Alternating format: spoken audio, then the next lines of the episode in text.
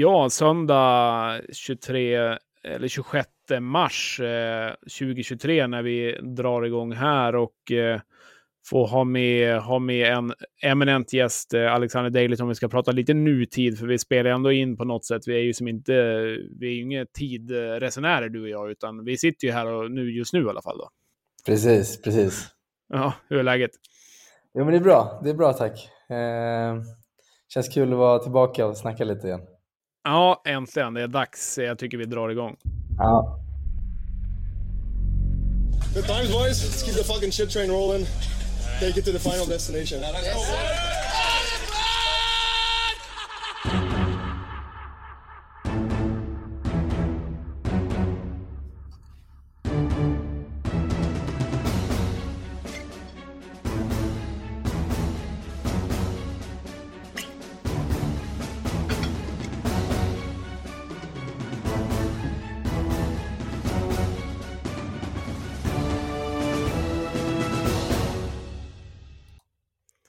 Ja, där var den gingen gjord. Ett specialavsnitt med Alexander Deilert. Eh, ska man liksom dra Elite Prospect, om vi ska liksom gå dit och kolla hur det ser ut och vad, vad det står om dig, Alexander. Men eh, född februari 10, 1989, samma årgång som jag. Grattis till det. Och du är ganska nyligen födda, eller fyllda 34 år. Hur känns det i kroppen?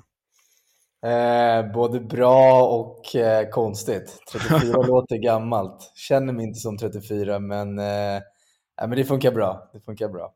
Ja, det är bra. Du taktar upp mot det fina 40. Jag är ju fortfarande 33, så jag känner mig väldigt ung här. Ja, i, njut, njut så länge du varar. Ja, eh, 1,83 lång.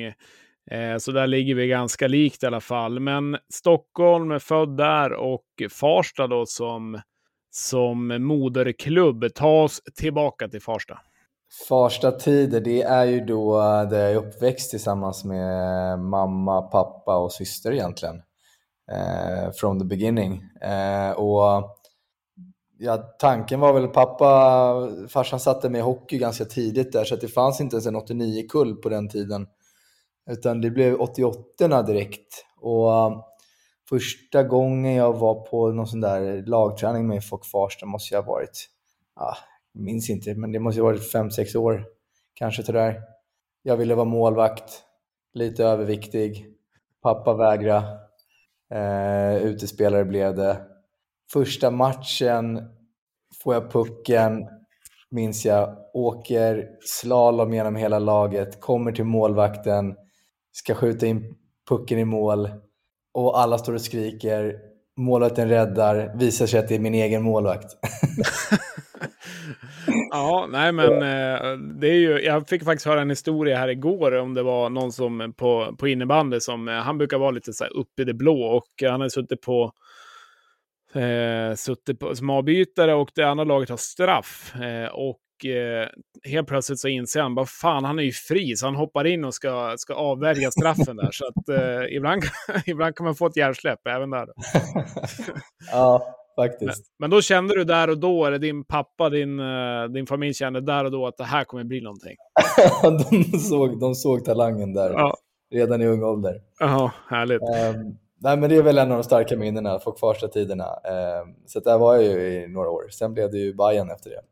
Ja, precis. Du klev in i Hammarby. Det var länge sedan Björklöven fick möta Hammarby, men där var det lite sköna möten faktiskt mot, eh, mot Bayern. Eh, de hade väl Hammarbydagen där, eller jag vet inte om de fortfarande har det i alla fall, men eh, Bayern har väl försvunnit lite grann i alla fall från ja. finrummet. Följer du Hammarby på något sätt idag eller?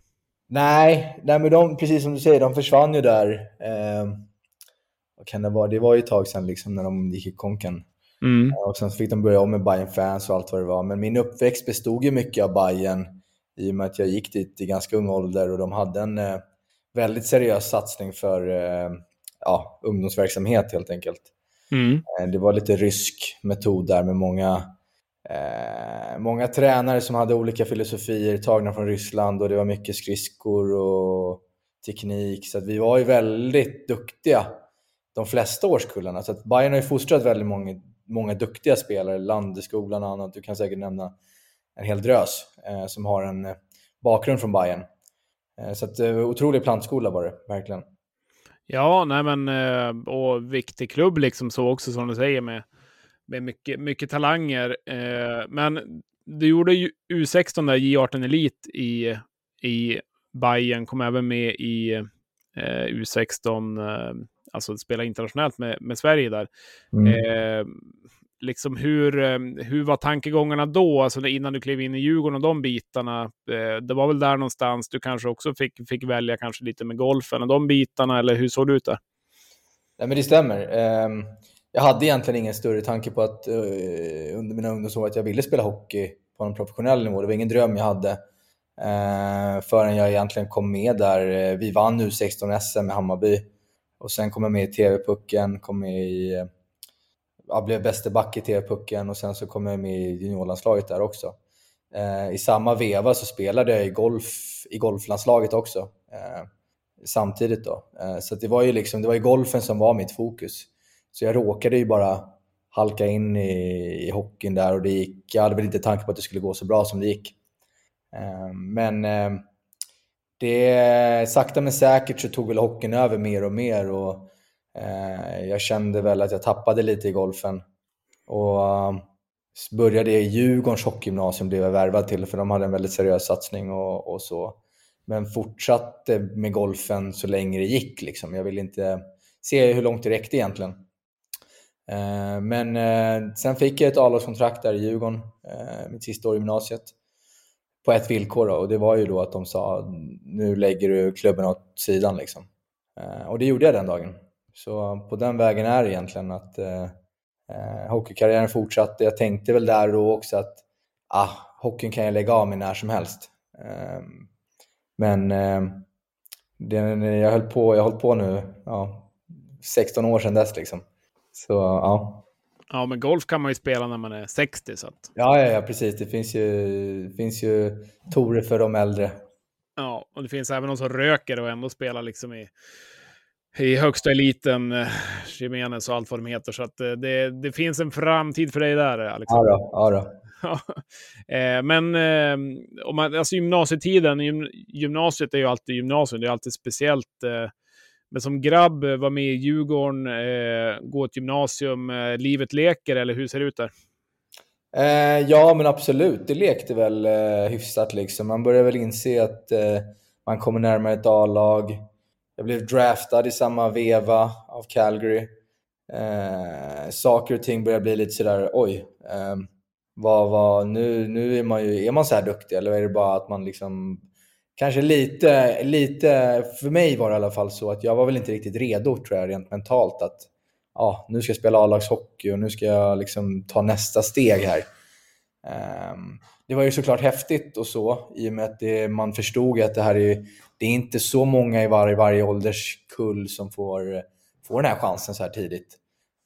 Um, och för mig personligen var det väl eh, kanske lite svårt att hantera nu när, jag, nu när jag reflekterar tillbaka på den tiden att jag tog liksom inte vara på min chans eh, där och då. Eh, därför blev det inget NHL Eh, kontrakt med Calgary exempelvis. Eller det blev liksom ingen succé i Djurgården där när jag klev upp direkt i A-laget. Utan det, eh, jag var, jag, när, jag, när jag ser tillbaka på den tiden så var det ganska tufft ändå. Eh, även om det var väldigt roligt såklart. Är det de här klassiska, liksom, jag skulle ha tränat mer där och då eller liksom tagit det ännu mer seriöst? Eller hur ser du på det? Ja, men det tror jag ändå. En kombination av att eh, jag, eh, jag eh, jag fokuserade, jag, jag, tyckte väl kanske att jag var lite bättre än vad jag var egentligen, eh, helt enkelt också. Eh, jag hade levt på talangen väldigt länge eh, och det kom jag dit på liksom. Men sen så behöver man liksom, sen märkte man att de grabbarna som tog det där steget och lyckades på riktigt eh, kanske la ner lite mera tid och kanske liksom eh, gick och la sig lite tidigare på kvällarna. Eh, det är så små detaljer tror jag som jag nu idag liksom verkligen ser att det, det, tog längre tid för mig helt enkelt att, att inse de här bitarna, hur viktiga de faktiskt är. Ja, nej, men det är väldigt vanligt och många som man hör att det är så. Och jag menar, ser man till sig själv ja, vad man gjorde då eller liknande. Nu har man inte själv varit någon elitverksamhet på det sättet, men många grejer kanske man inte tog så där 100% seriöst som vissa andra gjorde. Och det är klart att det har ju, det har ju sitt i dig, så är det ju. Men jag menar, sen du är ju på en hög nivå spelmässigt, så att det är klart att det finns ju alltid någon seriositet. Men de som blir allra bäst, de gör ju kanske någonting mer också, så är det ju. Men Eh, har det alltid varit liksom en stor talang? Eh, liksom jag tänker du är väldigt duktig i golf, du är duktig i det här och så vidare. Har det som alltid flyter på för dig rent sportmässigt eller? Ja, men det skulle jag nog säga att det verkligen har gjort. Eh, det är väl det som, har, det som tog mig till en början till den nivån i alla fall, min talang. Eh, jag har aldrig egentligen varit något fysiskt fenomen liksom. Eh, eh, med hockeyn så låg jag ju verkligen efter med fysen i mina ungdomsår i och med att jag spelade golf hela somrarna. Mm. Och skippade egentligen fysen. Så det jag skulle säga det var ren talang. Jag var, när, grabb, när jag kommer ihåg till och med när jag var i Djurgården där, i, då, var vi, då var det J20 då. Eh, hela sommaren så var jag iväg och tävlade på, med golfen. Och sen eh, spelade väl vi vår första träningsmatch i augusti där någon gång. Då hade jag inte kört ett fyspass. Eh, och första matchen tror jag vi mötte, det kommer jag inte glömma. Vet jag. Jag hade inte varit på is, jag hade inte kört någon fys. Gick ut och spelade match direkt och tror jag hade tre poäng eller något sånt där. Och, alltså det funkar ju till en viss nivå, men sen så börjar man liksom inse att det, det kommer inte hålla hela tiden. Liksom. Det, talangen räcker liksom inte. Så absolut att eh, alltid i skola och så vidare så var det ju sport. Eh, det var ju det som gällde. Ja, nej men eh, det var lite rätt beslut. Du haft en, eh, nu är inte karriären över än så, men du har haft en fin, eh, fin karriär i alla fall. Än så länge får vi se om den fortsätter framåt. Men eh, eh, det vart något stickspår där, ett utlåning till Almtuna. Eh, fick testa lite Hockeyallsvenskan, några matcher. Eh, hur var det? Eh, samma sak där liksom. Alltså hela min där tiden, jag tittar tillbaka ganska långt tillbaka. Ja. Mina första seniorår vill jag ju typ på något sätt glömma. Eh, och så kommer du här då. ja, exakt. Nej, men det, var, det var ju så här man kan snacka om att det var lärorikt. Ja, nej, jag vet Och kallt var det i Almtuna också. Ja, nej, men jag, alltså, helt ärligt så var det väl eh, mina rådgivare och agenter på den tiden som sa att du ska spela, du ska spela A-lagshockey, punkt slut. Liksom. Eh, och uh, jag hade kunnat gå ner och spela J20 egentligen. Eh, mm. Så på den nivån är det. Hade det varit bättre att spela J20 eller? Ja, jag tror faktiskt det. Jag tror att det stressas ganska mycket för många liksom, mm. i, i, den åldern när man... Eh, alltså, det spelar inte så stor roll egentligen. Eh, jag mådde inte bra i alla fall att vara utlånad så mycket som jag var. Nej, Nej men det var, lite, det var lite rörigt där. Ja, det var eh. väldigt rörigt och det gjorde nog mig bara mer och mer osäker. Eh, mm. Så därför var det en ganska rörig period tills jag liksom någonstans började hitta en stabilitet och trygghet i att säga, okay, men nu är jag på en, på en nivå där liksom, så, okay, här vet jag att jag är bra. Mm. Så jag jobbar från det och försöker jobba mig uppåt istället för att vara här uppe och tro att jag är bättre än vad jag kanske var. Sen gå ner och spela eh, i Almtuna eller i, eh, någonstans där jag blev utlånad liksom, i några matcher.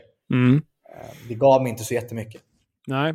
Eh, om man kollar på, liksom, det har ju varit väldigt många klubbar. Eh, du har fått prova många olika färger på tröjorna och det har varit liksom i Hammarby, det har varit Djurgården, det har varit AIK eh, och så vidare har det liksom varit lätt för dig att testa på bara något nytt eller liksom är det bara en ren slump att det har blivit så många lag? Eller hur ser du på det? Nej, det är bara ren slump. Alltså, eh, det här med mina med, med ungdomsåren och sådär. Jag är ju Stockholmsgrabb. Jag är eh, uppväxt, uppväxt söder om stan. Jag är aik från, från grunden egentligen, men AIK var aldrig något alternativ i ungdomsåren i och med att det var norr om stan. Mm. Eh, Sen är jag ju bara egentligen tacksam över att jag har fått, eh, fått en så bra skola i både Bayern, Gnag, Djurgården och, och, och nu AIK. Liksom. Men eh, vad det gäller liksom mina, mina sessioner i vissa klubbar, jag menar jag var i Sundsvall i två matcher. Liksom. Eh, det är bara tillfälligheter. Det är eh, en liten känga till mina äldre rådgivare liksom, som egentligen tyckte väl att, eller, och samtidigt Djurgården som lånade ut mig då, då liksom så här, tyckte att det var så viktigt Mm. För mig var det inte så viktigt egentligen. Eh, nu när jag ser tillbaka på det. Så att man hade lätt kunnat halvera de, de klubbarna genom att bara låta mig egentligen stanna hemma och träna eller eh, gå ner i J20. Du snittar en halv poäng per match i alla fall. Ja, ja, precis. Och jag brukar ju faktiskt säga att eh, jag brukar försöka se det som något positivt, att alla klubbarna vill ha mig. Så att Ja, nej men absolut. Så, så kan man också se. Nej, men och sen är det ju kul också att få vara på lite olika ställen och resa runt Absolut. och liksom se, se Absolut. olika kulturer, höll jag på att säga också. Så Ja, men- det är ju roligt. Så kommer det vara. Så kom, det kommer jag kunna berätta för min dotter och, och barn i framtiden här när vi reser igenom Sverige att här har jag bott. Här har jag varit. Den här gatan har jag varit på. Nej, men det, så är det ju. Och det är ju, det är ju något som ändå ger en eh, något framöver i livet. Men Absolut. känner du att det börjar bli någon form av liksom, eh, stabilitet rent hockeymässigt? Eller rent att när känner du att ja, men nu är jag liksom där jag kan vara och utvecklas på, på rätt sätt? Alltså det tog ändå ganska lång tid för mig. Eh, det var flängigt där ett tag. Eh, och jag är ju, alltså det är inte så att jag inte är tacksam för, eller, eller otacksam för att jag har varit på, på många ställen. Liksom. Det, jag, jag har haft otroliga tider på många ställen och lärt känna fantastiska människor och spelat i klubbar som varit jätteroligt att spela i. Eh, men jag tror att för mig blev väl vändningen egentligen när jag egentligen kom till AIK från Karlskrona i SHL. Då. Eh, där någonstans kände jag väl att jag var i Karlskrona, jag var i SHL mitt i säsongen, jag tror det var vi eh, ja, efter jul, efter, efter Ja, årsskiftet. 20, 20 matcher in. Ja, precis. Mm. Men jag kände liksom, ja, jag, spe, jag fick spela, det gick helt okej. liksom. Jag spelade powerplay och allting, men jag tyckte inte det var roligt längre. Eh, Jag kände liksom, det här är inte min framtid. Jag saknar familj, jag saknar vänner. Jag, jag vill hem till Stockholm liksom. Och, Eh, jag mådde bara inte bra när jag var där nere eh, längre. Även fast Karlskrona var en fantastisk klubb och en fantastisk stad. Men jag kände bara att nej, nu, nu, nu är inte hockey lika viktigt. Liksom. Så att, eh, eh det vart ganska snabba puckar där till att jag liksom tog ett beslut att bryta mitt kontrakt självmant och sen liksom direkt egentligen skriva på för AIK i Allsvenskan och flytta hem. Eh, och det vart ju som en, dels var det en dröm att få komma och spela med AIK eh, som jag egentligen i många år hade velat men aldrig riktigt fått chansen till att göra. Eh, men sen även komma hem eh, och känna att hockeyn är inte så himla viktig längre. Eh, den är, den är, jag är otroligt tacksam och glad men jag ville mest hem. Och det gick ju väldigt bra sen när jag kom till AIK. Det var där någonstans det vände. Liksom. Och I samma veva träffade jag min eh, nuvarande fästmö. Eh, vi, vi flyttar ihop och allting börjar liksom falla på plats. Eh, och sen eh, hade jag två bra, eller en och en halv för bra säsonger i AIK. Liksom. Och sen tyvärr åkte vi, gick vi inte upp det året, med, sista året när vi åkte ut mot Oskarshamn. Och det har ju varit ett av mina mål liksom, eh, i, sen jag liksom började känna det här att okej, vad är det jag vill uppnå i hockeyn? Eh, vad, är det jag, vad är det jag kan uppnå framförallt? Vad är, vad är nåbart? Och det är ju att gå upp med ett lag. Det har ju varit min dröm. Eh, nu har jag inte lyckats nå det, men jag har varit väldigt nära. Dels med AIK och sen framförallt med Löven. Då. Mm. Så att det, när, när det, när det typ blev klart för mig att så här, okay, vad, vilket mål har jag med hockeyn? Då blev det väldigt mycket lättare att spela hockey och känna att eh, eh, mitt syfte är liksom inte längre att spela för att jag behöver eh, jaga ett kontrakt eller eh, jaga, jaga någonting liksom i, personligt i min, i min statistik. Utan det handlar ju bara om att jag vill vinna någonting, vilket jag inte har gjort under min karriär. Mm. Jag saknar liksom den här känslan av att stå där på scenen och få titta ut mot publikhavet och kunna vara med Vinna sista matchen liksom. Ja, exakt. Det är den, det är den känslan jag har uppnått. Och det, när, jag hade den, när, jag, när jag upptäckte den känslan så blev det väldigt mycket lättare att spela, märkte jag. Ja. Jag blev en bättre lagkamrat, jag blev en bättre, bättre spelare helt enkelt. ja, nej, men det är ju en, en härlig, härlig insikt. Och det är väl det liksom eh, många längtar efter, både supportrar, just, just det, vin, vinna något på det sättet. Men eh, om man, eh, när du är i Karlskrona och du känner att nej, fan, nu vill jag, vill jag vidare och hem. Eh, hur, hur går den flytten till? Liksom? Drar du iväg själv ett sms? Hallå, ta emot mig, eller hur funkar det? Uh, nej, men det börjar väl först med att jag pratar först med Karlskrona och förklarar situationen att uh, jag inte mår något bra helt enkelt. Att jag vill bryta mitt kontrakt. Uh, så att, det var väl den processen först. Eh, och de stöttade mig i det. Sen så var det egentligen bara snabba puckar till att ringa min agent att kan du kolla runt vad som finns i Stockholmstrakten om det finns något intresse. Finns det det så, så, så, är jag, så är jag sugen. Men jag kan inte tänka mig att spela någon annanstans. Det måste vara i Stockholm.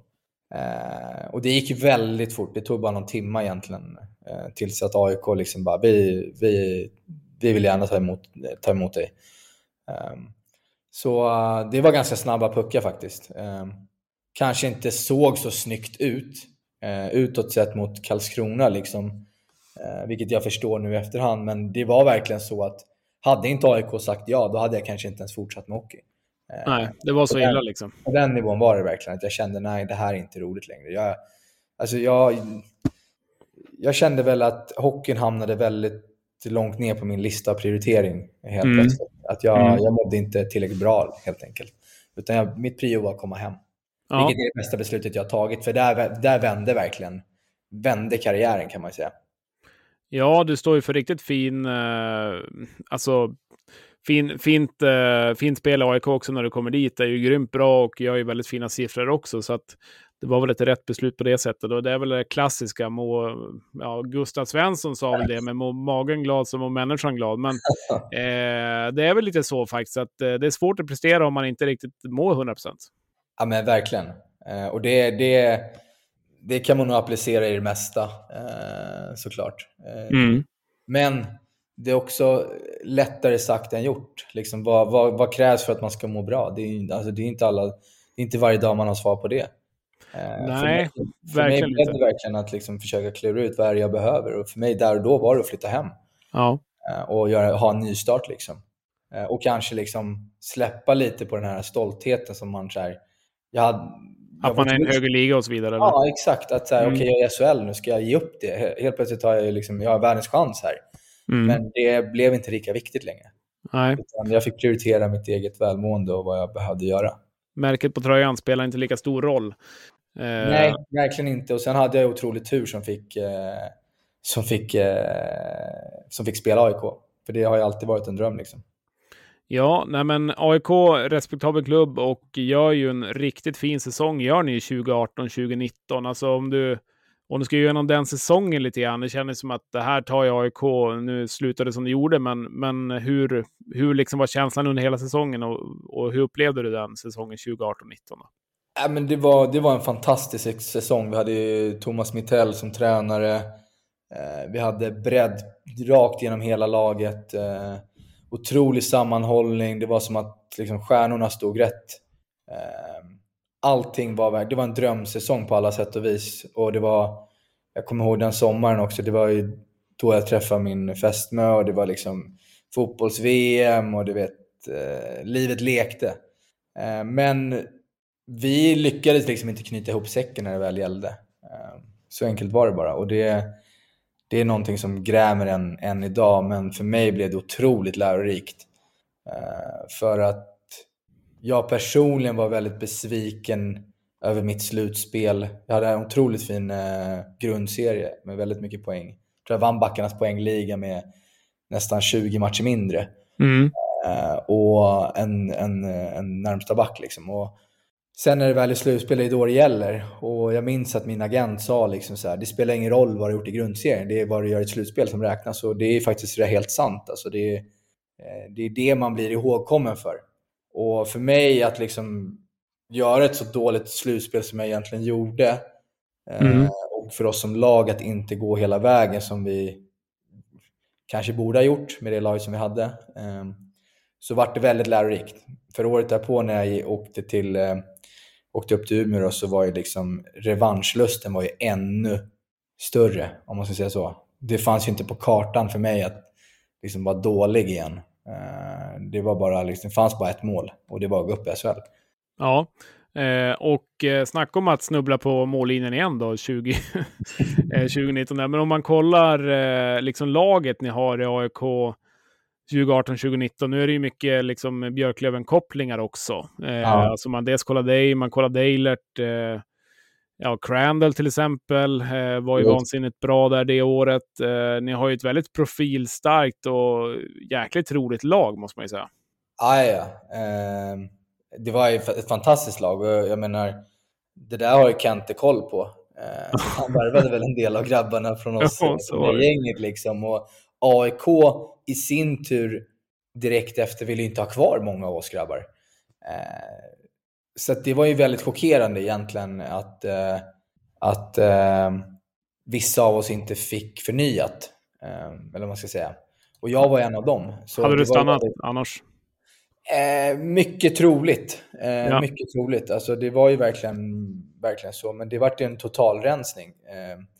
vilket i, i sammanhanget också blir sådär, ja, ja, då kanske man inte var så sugen på att stanna ändå. Då, eh, om vi inte har samma lag i princip. Sen, förstod, sen försvann ju många av andra skäl att högre ligor kallade på dem. Eh, men eh, det var ju väldigt många som ville stanna men inte fick. Eh, så, men det är verkligen otroligt eh, många bra och profilstarka spelare. Ja, och när man kommer in på, på 2019-2020 är ju en märklig säsong såklart på väldigt många sätt. Och allt som kommer in i livet och så vidare som eh, ställer, ställer andra saker eh, kommer väl komma in på också. Men, men den säsongen som lövare eh, är fortfarande sådär, ja vad hände här då? Är vi bra helt plötsligt och bra på riktigt och vinner hela tiden och tar ett poängrekord och, och allt vad det är. Det känns som att allt flyter på den säsongen tills det då blir som det blir. Men, men när du väl kommer till Löven det året, eh, hur såg du på Björklöven då? Du har inte varit bekant med den klubben innan, förutom att spela mot. Men eh, vi lövare i alla fall kände att, ja vad hände här? Nu börjar ju liksom eh, Djurgårdar, eller börjar stockholmare och alla möjliga komma hit. Liksom. Hur, hur lyckas Kente med det här? Alltså det är, Man vill komma till Björklöven, var lite känslan då att det är nu det börjar hända. Hur, hur kände du själv? Um, Nej, men för mig var det som jag sa, det var dels en revanschlust. Skulle jag gå någonstans så skulle det vara någonstans där jag kan vinna någonting. Eh, för mig handlar det inte om att åka upp och ha semester och, och liksom bara trivas med tillvaron, utan för mig var det eh, verkligen att jag ska ha en chans att vinna någonting.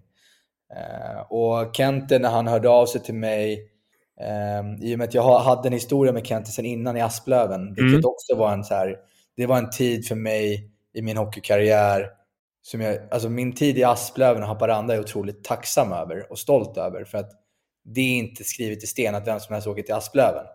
Eh, det var en utmaning. Vi hade små resurser, en eh, liten lada som vi spelade, spelade hockey i och det var, jag tror inte jag såg solen på nio månader. eh, och Kent... Var det samma sak med Kente där som med Bromé? Att han, vad var det, en etagelägenhet eller vad han fick i Haparanda för 7000 ja. i månaden? Ja, men det var, alltså, vi fick ju jätteschyssta lägenheter som Kente fixade. Eh, och eh, jag hade inte träffat Kente när jag kom upp dit till Haparanda. Eh, så jag visste inte hur han såg ut. Jag visste inte, liksom, jag hade bara snackat med honom i telefon. Eh, så när jag kom upp så kom det ut en, eh, kom det ut en, en, en kille med keps och mjukis, eh, Reebok overall. Och jag tänkte, vem är det här nu då? Och då var det ju Kente och han var ju liksom allt i den klubben. Um, han var tränare, sportchef, eh, satt i kansliet på ekonomin, eh, alltså, du vet, sålde biljetter. Mat han, typ materialare också, du vet. Han fixade allt till oss. Körde han ismaskin också?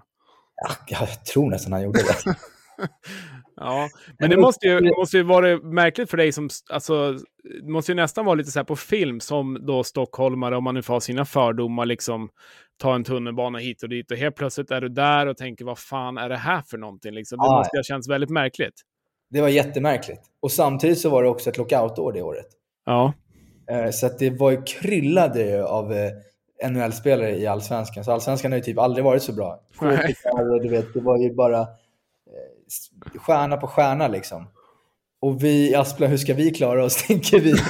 Men Kente lyckas ju typ trolla upp, vad, vad hette han, finnen som var i Luleå, legenden, backen där som kom till Asplöven.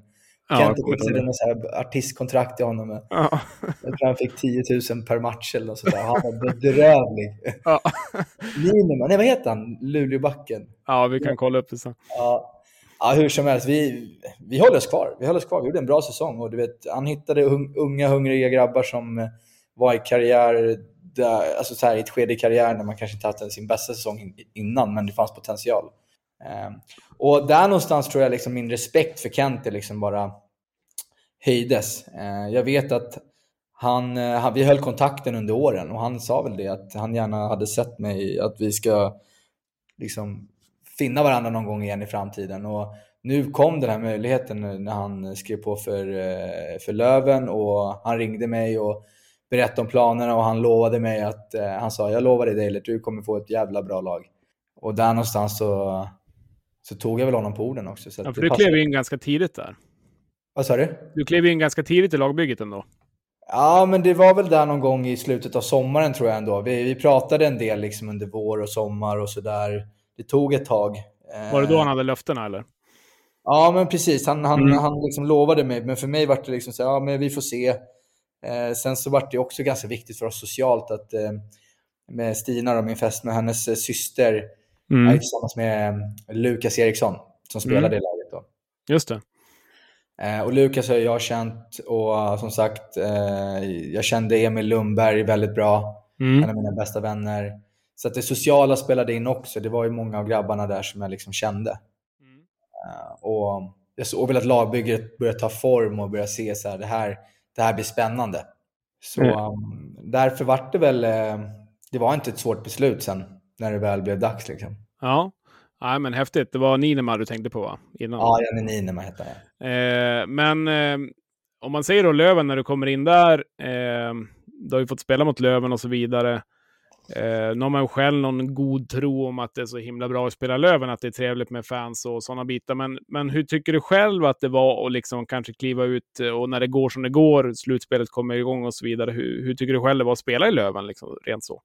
Nej, men jag var ganska chockad, för jag, jag minns ju att jag hade spelat alltså, många bortamatcher i Löven. Mm. Och det var, jag minns ju att det alltid var bra tryck. Eh, men Löven hade ju haft ganska svårt åren innan liksom och inte varit så där jättebra liksom. Nej. Eh, men för mig var det en chock när jag kom upp egentligen redan första matchen. Tror vi mötte Skellefteå där eller någonting. Det var ju typ fullsatt. Ja, visst, en träningsmatch ja. Ja, precis. Och uh, bara upptäckte att här andas det hockey liksom. Uh, det sitter i väggarna här. Uh, och det var ju otroligt roligt. Och i ett slutspel för oss så blev det ju väldigt mäktigt. Alltså det var ju det var inte bara slutspelet som var mäktigt. Alltså fansen, liksom, Modo-matcherna, du vet de här riktigt heta matcherna var ju... eh, det är det bästa som finns att spela för en, inför, en, inför en sån publik. Mm. Så det är verkligen minnesvärt. Det är sånt som jag alltid kommer bära med mig. De stunderna.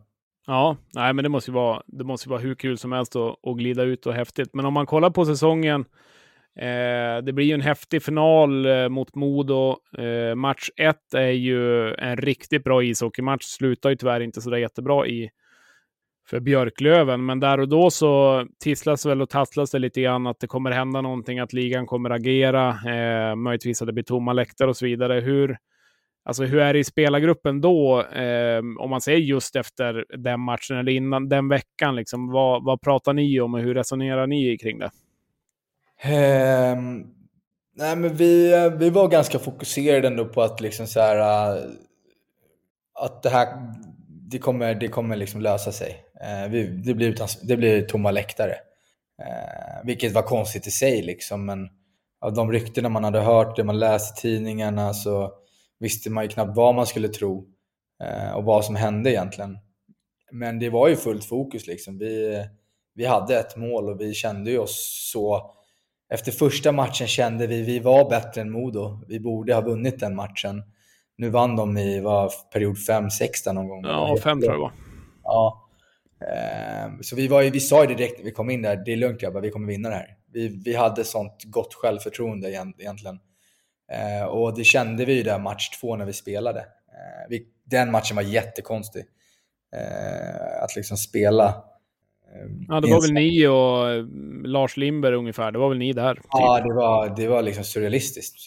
Eh, Så att eh, det var konstigt, men eh, vi var ändå, vi var ändå så pass fokuserade liksom, att det här kommer ju, det är bara att fokusera och, och gilla läget.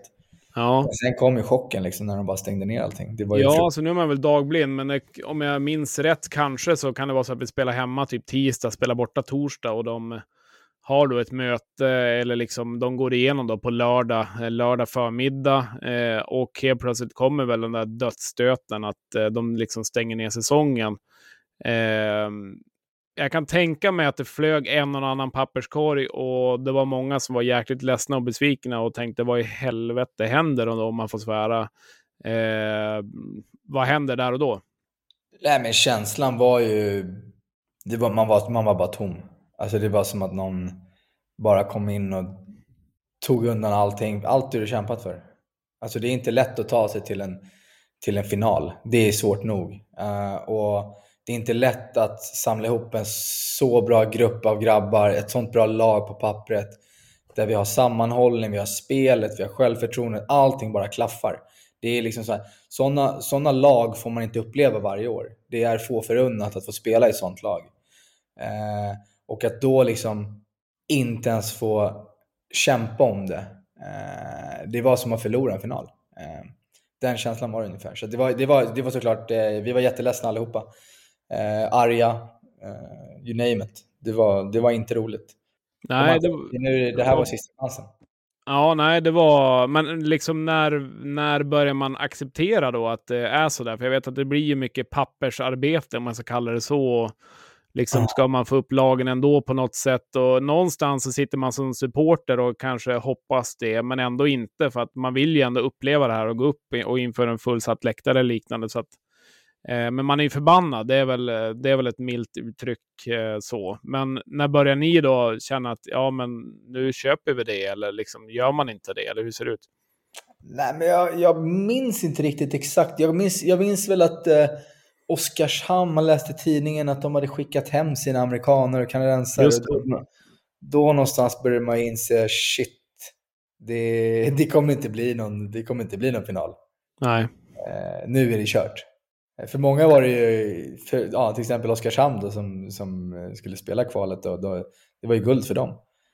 Ja, de hade väl lite strul med sina målvakter och så också. Så att de... Ja.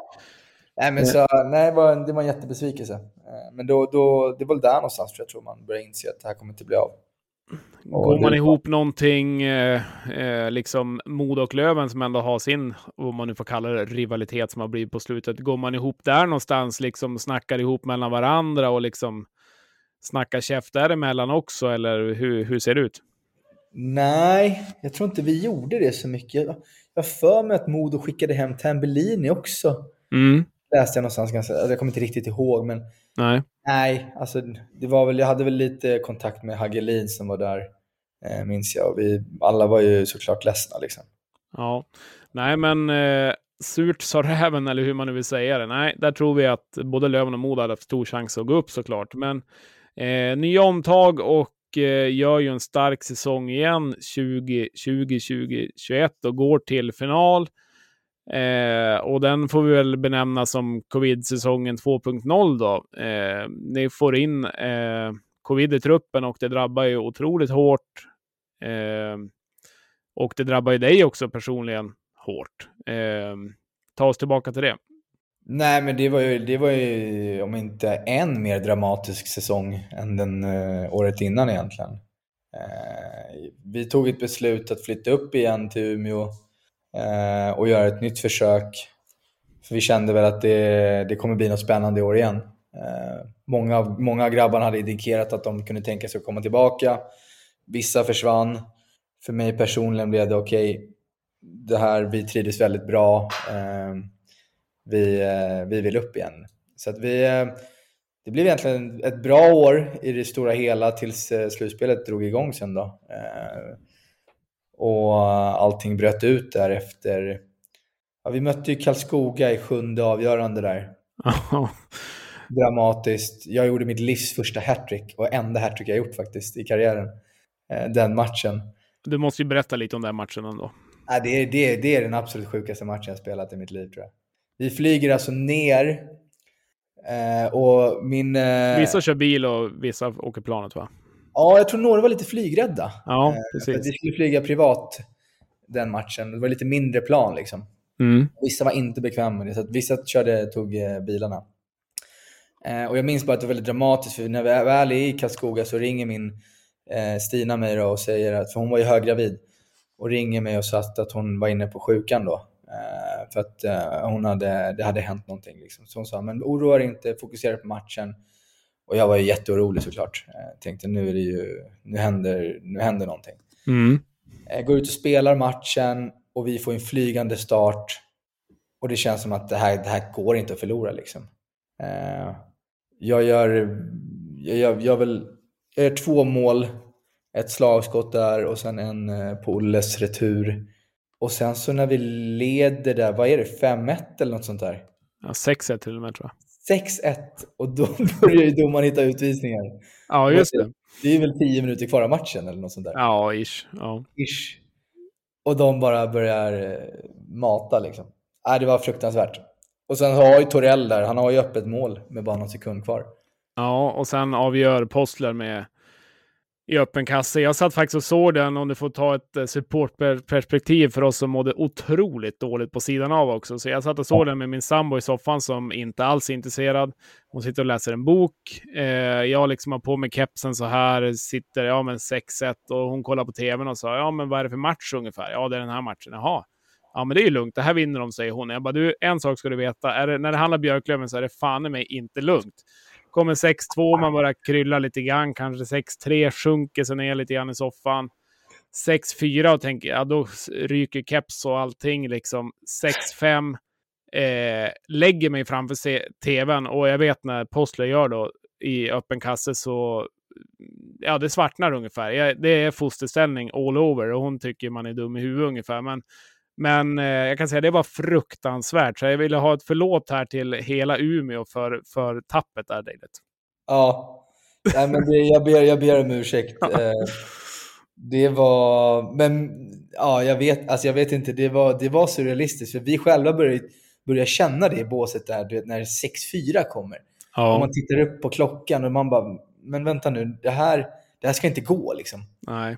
Och domarna... Det såg stressigt ut när de filmade båset kan jag säga.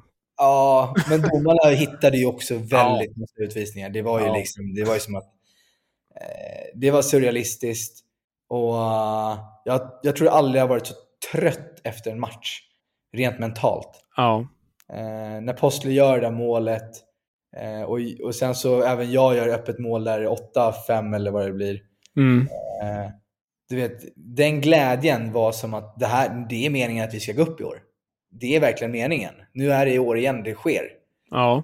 Eh, så var känslan när vi kliver av isen. Eh, och nu slår vi Timrå. Men så blev det ju inte. Nej, det var väl raska, eh, rast upp till Timrå. Det var väl match eh, två dagar efter. Eh, åker ni direkt dit eller åker ni hem någonting eller? Nej, vi åkte direkt dit. Det var ju bara match kort därefter. Ja, vann första också.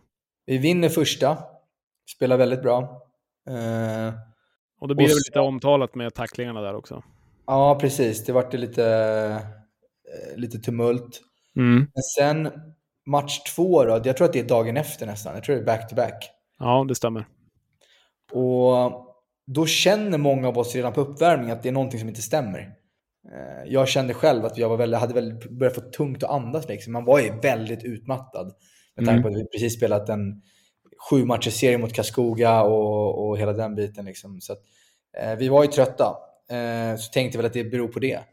Men sen under matchen så märker vi bara att nej, men det här, det är, folk sitter och hostar, någon sitter och säger att han har feber, någon inne och spyr. Eh, så att man börjar liksom ana att det står inte riktigt rätt till. Så vi förlorar ju den andra matchen där ganska klart och sen när vi kommer hem då och testar oss direkt, då har ju hela laget eh, fått eh, corona. Ja, och det blir ju mycket snack om det där. Alltså, det är klart, det snackas ju mycket utifrån och alla vet ju inte vad som händer invändigt och så vidare.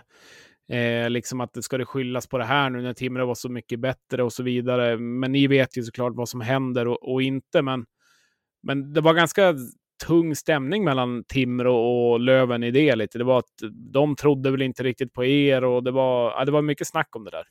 Ja, nej men precis. Man följde ju snacket lite grann. Liksom. Man ville ju veta vad som händer och liksom... Eh, eh, och det var väl ganska tråkigt att det blev... Eh, att det är så. Eh, för att jag menar...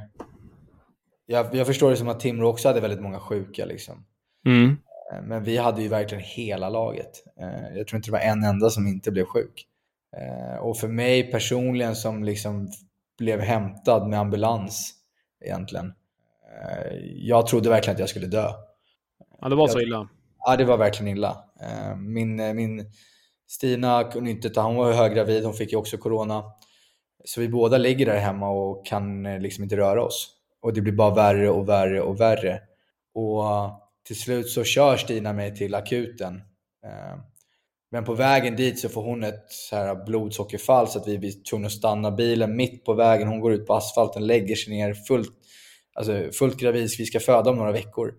Eh, och hon kan inte röra sig, jag ligger i bilen, kan inte röra mig. Det var bara surrealistiskt. Liksom. Tar oss till akuten, de skickar hem mig efter några timmar och det blir bara värre och värre och värre och värre. Så till slut kommer ambulansen och då ligger min syresättning på 65, låga, alltså under 70 liksom. När de kommer och hämtar mig. Och um, jag har aldrig haft sån smärta som jag hade. Eh, det var liksom, dels, kunde, dels var det otroligt svårt att andas, jag fick ingen luft. Min, jag tog inte upp något syre. Eh, jag hade hög feber, jag hade 40 graders feber. Kunde inte sova för att jag hade sån smärta i huvudet. Så det, bara, det, bara, det, bara, det var sån smärta så att jag visste inte vad jag skulle ta vägen. Så de tar in mig och jag ligger där inne i fyra dygn utan att sova någonting. Så under fem dygn så sover jag ingenting. Eh, varav jag skriker efter morfin eh, och tänker att nu dör jag. Liksom. Jag, jag klarar inte mer. Eh, och Stina skickade, vår, vi visste att vi skulle få en dotter så hon skickade med lite styrka genom att skicka hennes eh, lilla nalle som vi har köpt eh, och hennes kläder. Så det gav mig styrka där och då. Eh, men jag minns att jag liksom, sista natten så går, så går liksom läkarna in och så säger de så här, vi hoppas att du kan sova nu. Och då säger jag, nej det går inte. Det går inte. Så jag lägger mig på golvet, de har ju iskallt golv där inne, så här stengolv. Så jag lägger mig på golvet helt naken och bara ligger och gnider mitt huvud mot golvet av smärta. Och till slut så kommer de in och ger mig morfin. Och eh, där någonstans vände det egentligen. Så eh, det, var, det var dramatiskt. Det var hemskt. Eh, och att spela hockey efter det fanns ju liksom inte. jag hade gått ner 6 kilo tror jag på, dem, på en vecka. Har inte ätit någonting, inte sovit någonting. Jag var inte mig lik. Så jag fick ju gå runt och andas ur ett rör för att få luft och kunna träna upp mina lungor igen. Egentligen till något normalläge. Men jag gick faktiskt på is. Några dagar senare när blev hem. Kent och, och, och, och Wallson frågade, tror du att du kan gå på is eller? jag, jag tog på mig grejen och åkte ut där. Och jag hade ju det, jag fick inte komma, kunde inte komma upp, jag fick inte komma upp i puls. Han sa, men börja långt sen så kan vi se, det kan bli en lång serie du vet. Det, ja. Kök. Så jag gick ut där och, och testade och uh, tog några varv, men det var långsamt alltså. Det var om jag skulle kanske spela powerplay och stå helt still på blå. och stå och mata bara. Ja. ja nej, men eh, tack för att du berättar. Det är ju tungt att höra. Vi är glada att det gick bra givetvis. Ja. Eh, men det ger ju också en otrolig respekt för det som kom in också. Eh, ja. i, alltså jag menar, här har vi en ung, vältränad elitidrottare som drabbas på det sättet. Så att det är ju, det, det, är ju hemskt på det, på det sättet, absolut. Så att, eh, tack gode gud att det verkar att lugna ner sig. Men eh, det tar ju ett bra tag innan du är tillbaka i ishockeyn, innan du liksom är återhämtad av det. Eh, har du något men av just det idag eller? Nej, jag, jag tror inte det. Eller alltså så här, vi, vi, vi, var ju, vi var ju kvar i Umeå några månader, eller några veckor därefter och, och, och så, men det var... Sen flyttade vi hem till Stockholm då. Eh, vi kände väl att nu måste vi komma hem till Stockholm igen och eh, fick en möjlighet att spela AIK igen då. Eh, men tanken där och då var väl egentligen inte att AIK var ju väl medvetna om vad jag varit med om. och vi var, vi var eniga om att det här får ta den tid det tar. Det är inte säkert att jag kommer kunna göra en comeback det året ens, för att läkarna trodde inte jag skulle kunna göra det. De var så här, det här, det här kan ta riktigt lång tid för, dina, för din kropp att återställa sig ifrån. Eh, så vi började sakta, sakta, sakta träna upp mig. Jag minns ju första passet egentligen med, med min fystränare i AIK. Då. Satt vi oss på cykeln och jag cyklade alltså på den lättaste nivån på cykeln. På det lättaste, lättaste, lättaste liksom. Och bara cykla där. Och jag, jag kom upp i puls direkt. Eh, det gick liksom, så jag började hosta. Jag hostade otroligt i flera månader efteråt. Men eh, jag vet inte hur vi lyckades, men jag lyckades ändå träna mig tillbaka till eh, seriepremiären precis egentligen. Så att jag missade ju försäsongen, men just i seriepremiären så, så hann jag tillbaka i AIK. Då. Eh, och kände väl att jag fortfarande behövde bygga upp mig själv. Eh, och det var väl där någon gång när min hjärnskakning kom. Eh, jag, det var väl en 17 eh, matcher in eller något sånt där. Mm, jag fick, stämmer. Det, det du, har gjort, eh, du, har gjort, du har gjort bra 17 matcher. Ja, det gick ju jättebra. Alltså det, jag kände ju för varje match som gick så började jag bygga upp mig själv och fysiken, jag blev starkare och starkare. Och den, just den sista matchen mot HV där, då känner jag mig liksom, nu är jag i toppform. Eh, alltså nu känner jag mig stark och, och, och liksom redo igen. Och sen kom smällen, eh, hjärnskakningen som förändrade allt, liksom, förändrade livet igen. Eh, så att jag, jag vet inte om eh, coviden har någon eh, de trodde väl det till en början att kanske, alltså, i och med att jag fick så, sån extrem huvudvärk av coviden, att den kunde, kunde göra att min hjärnskakning blev så allvarlig som den blev också. Mm. Att den, de, hade, de kunde liksom koppla de två samman. Men jag vet faktiskt inte vad jag ska tro på det, om det är det eller inte. Men eh, smällen var ju så pass hård så att jag, den, den går liksom inte att eh, bearbeta på samma sätt som eh, coviden. Då, för att det, det går inte att spela bara. Nej, vi, vi var inne på den smällen eller den slowfoten som blir från Max då, eh, Wennlund som nu var det Karlskoga som, eh, som gör den helt enkelt och, och den drabbar dig och det är liksom en blodig bild och liksom som eh, då lövare och som medmänniska givetvis så tänker man ju bara nej, det är inte sant. Eh, äntligen är Daler tillbaka efter allt som har varit. Han har varit riktigt bra. Eh, och så händer det här och det är ju det sista man vill givetvis. Eh, och jag menar, det är ju vad vi känner och då finns det ju, finns det ju dig där bakom och det finns ju såklart din, din kära fru också, eller din fästmö och liksom allt som händer där. Men om vi då är inne på, på Max, jag vet att du har skrivit också, att eh, det har inte kommit något förlåt eller det har inte kommit någonting av det. Eh, har du någon kommentar till det? Ja, men det är väl som jag skriver där, alltså, jag tycker att det är konstigt ur ett humant perspektiv. Jag skiter väl i hockeyn egentligen, utan jag menar, vi, bakom visiret är vi människor. Eh, och eh, jag, jag, har bearbetat det här nu, så att nu bryr jag mig inte. Eh, däremot har det gått perioder för ett år sedan, när jag fortfarande mådde väldigt dåligt efter hjärnskakning, som jag bara satt och väntade på, vad är det som händer?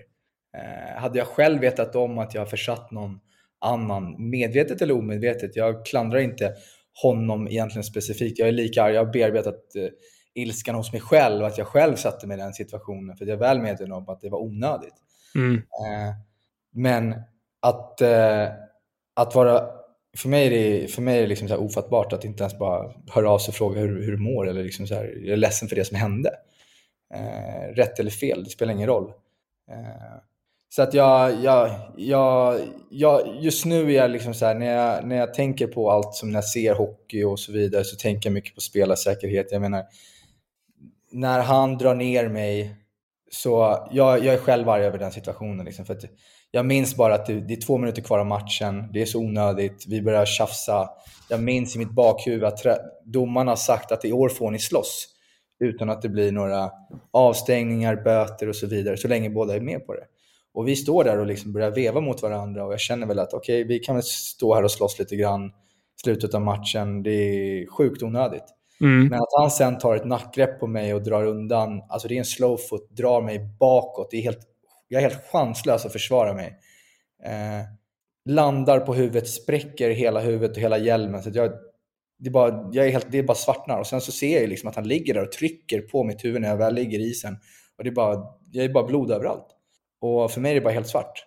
Och när, när jag väl eh, vaknar till så reser jag mig upp och åker av isen och alla tror att det är fine med Dalert. Eh, det är inte fine. Jag känner mig som en cirkusapa. Simor lägger upp ett klipp på, på sociala kanaler att fight Dalert Wennlund. Men eh, när Dalert reser sig upp, det är lugnt. Nej, det är inte lugnt. Mitt liv är förändrat. Och lite den approachen är som att, vem, är det någon som bryr sig ens? här, alltså här, här förändras mitt liv på två sekunder. Och, Eh, han, varken jag eller Wendlund får, liksom, vi får fem minuter, sen är det lugnt. Det är ingen som bryr sig. Nej. Det är ingen som tänker titta till, liksom, hur, vad är det som har hänt? Liksom. Ska vi dra några slutsatser av det här? Nej, ingen. Och sen så när jag ser det som händer igår på matchen när Bagenda blir neddragen har Brickley liksom, på typ samma sätt. Helt, helt försvarslös. Kan, alltså det kan gå åt helvete. Det kan liksom, Bagendas huvud kan spräckas. Han Brickleys huvud kan spräckas. Och som någon skrev, så, sitter Harald Lyckner i, i direktsänd tv och tycker att det är en fin nacksving. alltså det, är, det är, för mig det är så här, vad är det som händer? Eh, så ja, nej, jag, är, jag, är, jag, är så här, jag är ganska besviken över hur, eh, hur, det hanter, hur det har hanterats. AIK har stöttat mig fantastiskt och eh, alla runt omkring mig som är nära mig eh, vet hur jag har mått och vet hur jag mår vet vad jag har gått igenom och det är inte bara jag som har drabbats, det är hela min familj som har drabbats. Eh, hela tillvaron har vänts upp och ner. Och, eh, nu är jag ändå på en plats där jag känner mig väldigt tacksam och glad. Eh, och mår, mår, mår tillräckligt bra liksom. Men det har varit ett helvete. Och jag blir uppriktigt typ arg när jag ser sådana här situationer som fortfarande uppstår och det man lägger fokus på är vad Blomman sitter och säger i tv. Liksom. Spela alltså så här, äh, det, Fokus är fel, tycker jag bara. Ja, nej men eh, jag kan ju inte säga något annat än jag håller med och eh, som medmänniska också så kan man väl räkna ut ett och annat att eh, först missat eh, liksom med AIK, sen kommer det till Löven och vad som händer där missar, missar igen, liksom med drömmen att gå upp och sen när det kommer coviden och sen kommer den här skadan. Eh, om man då inte är någon form av superman eller liknande och bara inte bryr sig om någonting. Men det är klart man gör det och det är klart att det är något som har tagit på för dig, Dalert. Alltså det är herregud alltså tack för att du sitter här och orkar prata med, prata med en sån som mig. Liksom. Eh, och det är så härligt att se att du, du har ett leende där bakom. Men, men eh, till din kära fästmö Stina var det va? Eh, Eh, vad grym hon måste vara också, liksom som, eh, jag menar i allt vad som händer här och jag, jag, vet ju själv när man kanske inte mår bra så då är man inte sitt bästa jag heller. Eh, fantast, fantastiskt att ha henne också då. Ja, verkligen. Alltså nu blir jag tårögd där. Eh, ja, men så är det. Alltså hon, eh, hon har gjort allt. Eh, det är hon som har fått allting att fungera. Hon har, liksom, hon har fått ta hand om, inte bara mig, men även vår dotter. Och, så att hon har, eh, hon har verkligen fått, eh, hon är underbar. Och jag hade inte klarat det utan henne. Så, att, så är det. Ja, jag blir tårögd också. Så nu är vi två, två här som håller på att riva saker där. två eh, två unga 33 och 34-åringar som, som har känslor. Nej, men det, jag ryser bara i kroppen av det. Men eh, till, eh, till att komma lite nutid i alla fall. Eh, vi har ju en hockey som är igång, ett slutspel som är underbart för oss som följer det. Eh, du har ett lag AIK som är kvar, jag har ett lag Björklöven som är kvar. Eh, du ska kanske på hockey här eh, när det här eh, kanske kommer ut. Jag vet inte, vi får se när vi släpper det. Men AIK ska i alla fall spela en sjätte match. Eh, ni har tagit det långt ändå, måste jag säga, mot Modo. Ja, men verkligen. Alltså, det, har ju, det är ju över en viss förväntan, skulle jag ändå säga. Eh, vi, eh, vi spelar en helt annan hockey nu mot den vi gjorde i, i grundserien, tycker jag. Eh, vi är kaxigare, vi är mer orädda. Och det är väl lite den känslan vi har just nu, att allt att vinna egentligen. Och Modo har väl ganska mycket att förlora om man ser det under hur det har varit under säsongen. Så det är ändå en ganska god känsla i gruppen. Så jag tycker att det, jag tycker grabbarna gör det fantastiskt. Eh, igår eh, blev det ju tyvärr som det blev. Liksom, vi förlorade med 8-3 till slut. Men jag tycker ändå att stora delar av första perioden så gör vi det riktigt bra. Eh, det gäller bara att liksom hålla ihop det. Mm. Eh, vi har kört ganska exakt en timme. Det var väl där någonstans vi kanske trodde det skulle, skulle ligga. Eh, ett långt jäkligt trevligt samtal och lite ledsamt samtal också tycker jag. Men ärligt och härligt eh, vill jag säga. Och jag är jätteglad Eilert att du ville gästa oss igen. Eh, jag hoppas eh, du tycker själv att det har varit bra och eh, eh, vi väver gärna in dig framöver också eh, i någon form av eh, expertroll eller vad man ska säga. Men du, är, du är en trevlig pojk och eh, vi tycker det är kul att du vill vara med. Ja, men tack Jesper eh, för mig är det väldigt eh, skönt och lätta på hjärtat också. Jag har inte pratat med speciellt utåt sett så mycket om det här. Eh, men jag känner också att eh, Löven och Umeå ligger mig så otroligt varmt om hjärtat så att jag är bara glad att få vara en del av, eh, av historien fortfarande. Så det är väldigt trevligt att få, få snacka. Tack Deilert. Tack själv.